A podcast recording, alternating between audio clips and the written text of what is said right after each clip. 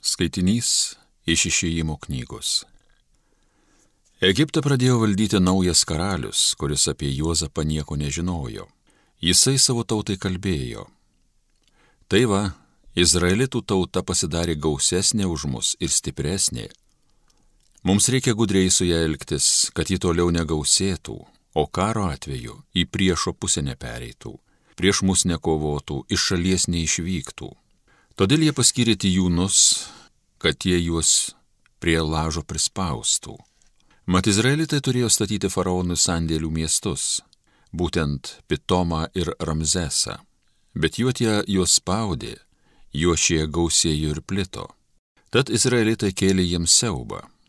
Užtat egiptiečiai juos spaudė prie lažo, apkartino būvį, versdami juos minkyti molį, gaminti plytas, darbuotis laukuose ir atlikti kitokius priverčiamus darbus. Faraonas visai savai tautai išleido įsakymą. Visus hebrajams gimusius berniukus išmeskite upin, mergaitės palikite gyvas. Tai Dievo žodis.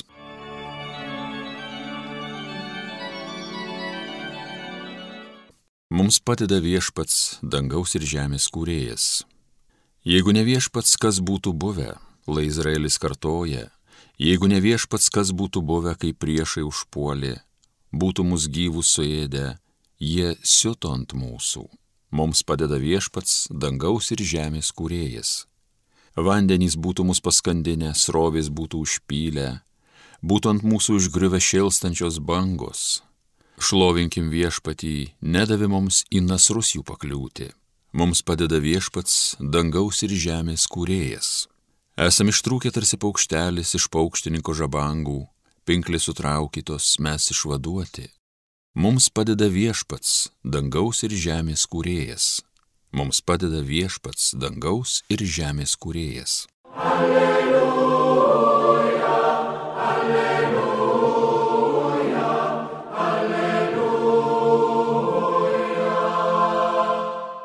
Palaiminti, kurie persekiojami dėl teisybės, jų yra dangaus karalystė.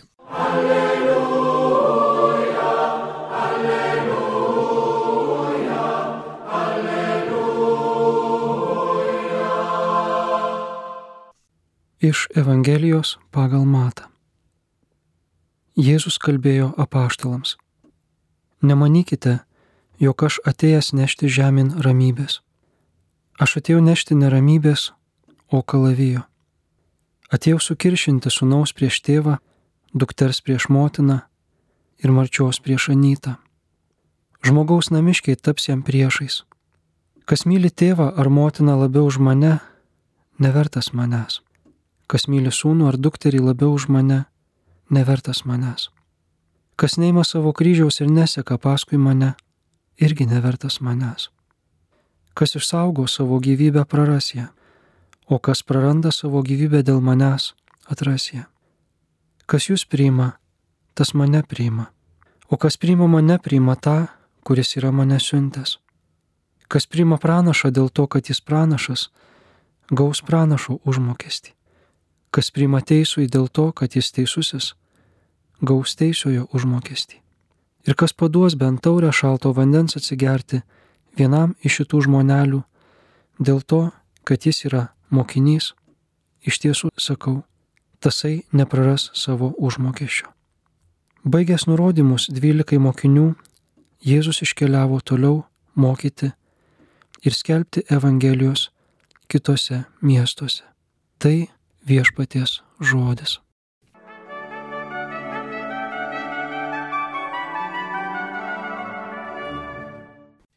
Filipas Jensėjus knygoje Jėzus kokio niekada nepažinojau rašo, kad Jėzų tą dykumos judo liūtą mes norim gražiai sušukuoti, nukirpti nagus ir išsidraikiusius karčius, nudildyti dantis ir pasodinti savo namuose ant sofos.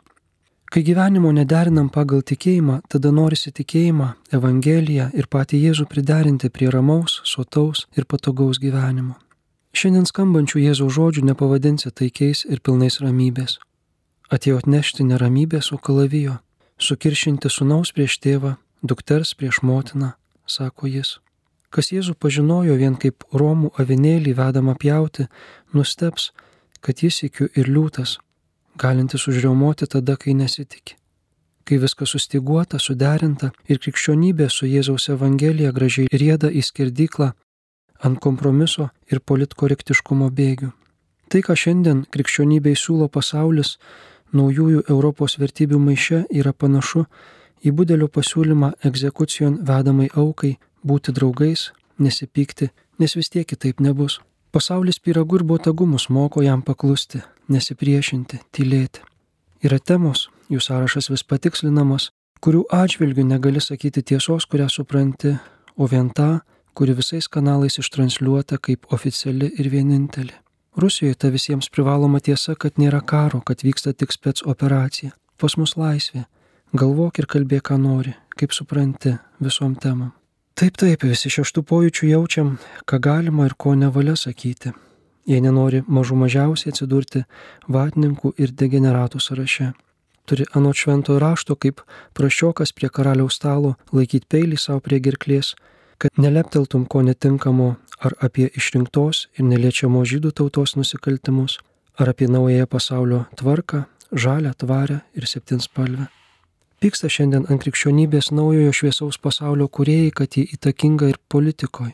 Ką padarysi, jeigu patys tie patys žmonės, kurie lanko sekmanio šventasis mišes, po jų aktyviausiai eina ir į rinkimus.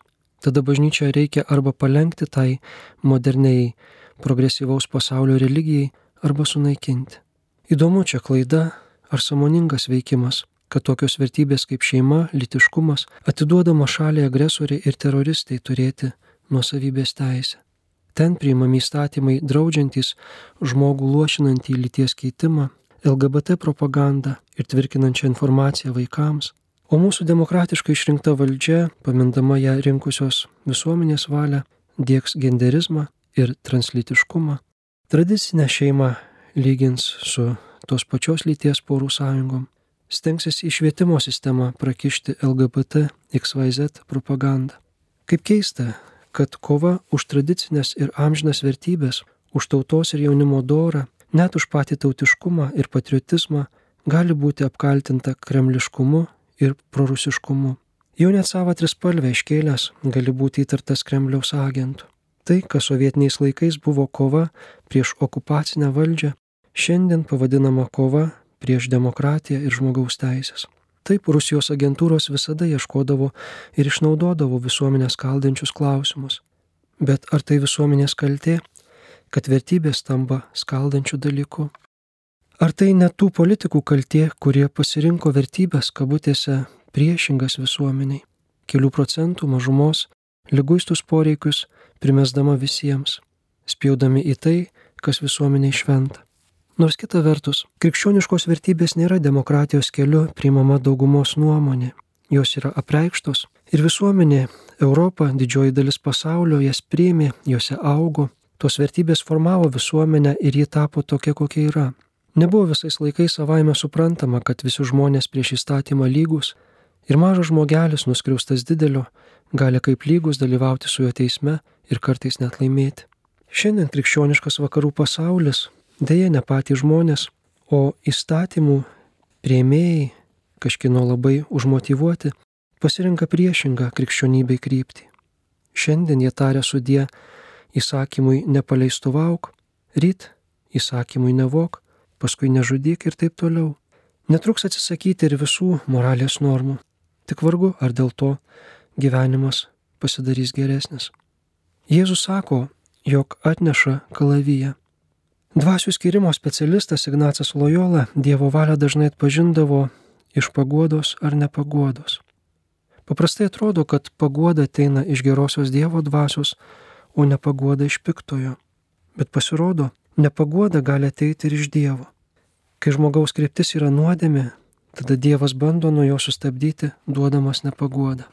O kai ne paskiro žmogaus, bet visos visuomenės ar net žmonijos kryptis yra nuodėmė, tada nepagoda gali tapti ir kalaviju, ir stichiniam nelaimėm, kad sustabdytų žmoniją nuo beprotybės.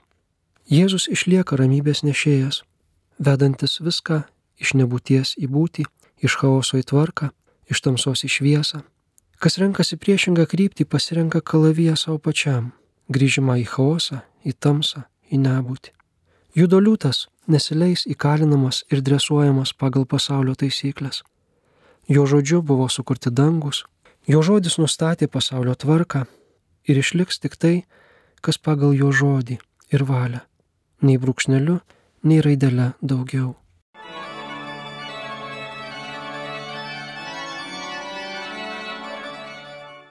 Homilija sakė kunigas Mindaugas Martinaitis.